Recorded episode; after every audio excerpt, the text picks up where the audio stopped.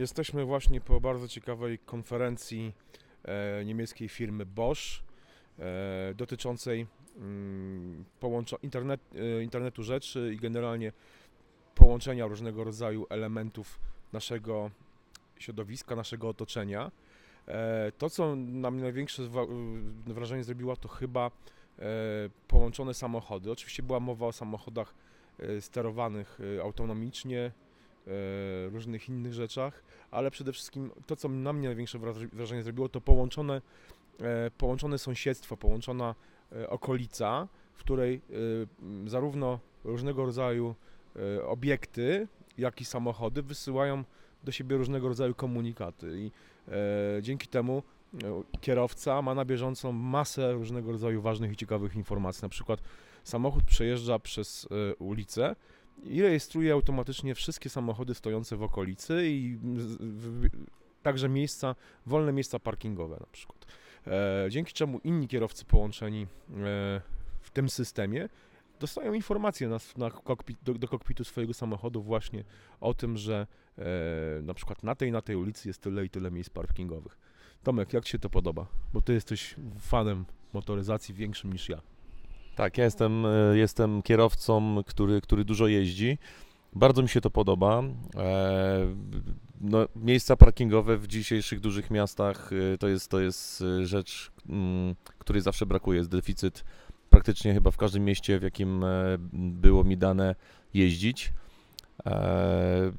Tutaj pilotaż jest w San Francisco prowadzony. Także zobaczymy, jak to, jak to się rozwinie i czy to się spopularyzuje.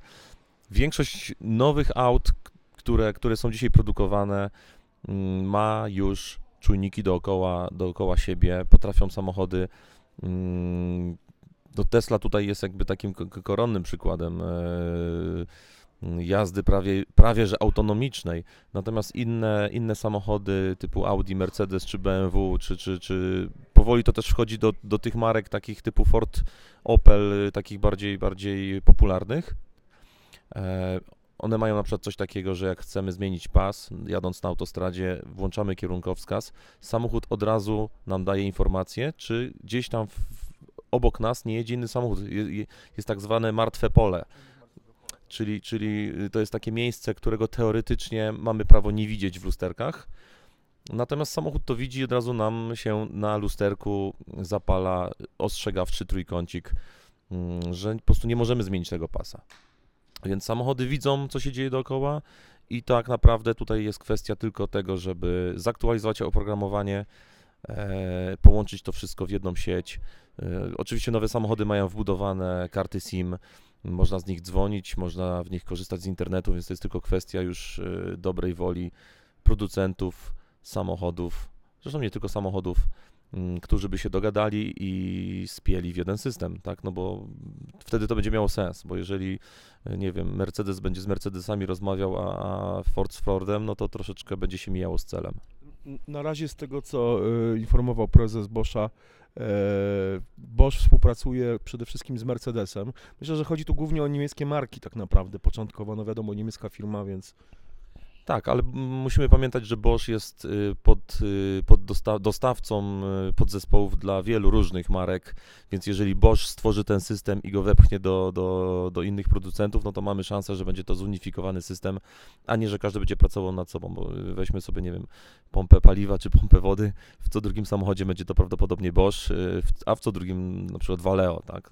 To są takie dwie marki, które, które robią rozruszniki, akumulatory, y, wycieraczki, tak, Wszy- wszystko co związane z motoryzacją. To są ogromne koncerny, także Bosch tutaj, jeżeli to będzie miał, dobrze to rozegra po prostu, tak, żeby, żeby zainteresować tym innych producentów, nie tylko niemieckich, nie tylko Mercedesa, no to mamy szansę w dość szybkim czasie mieć mocne, duże ułatwienie na...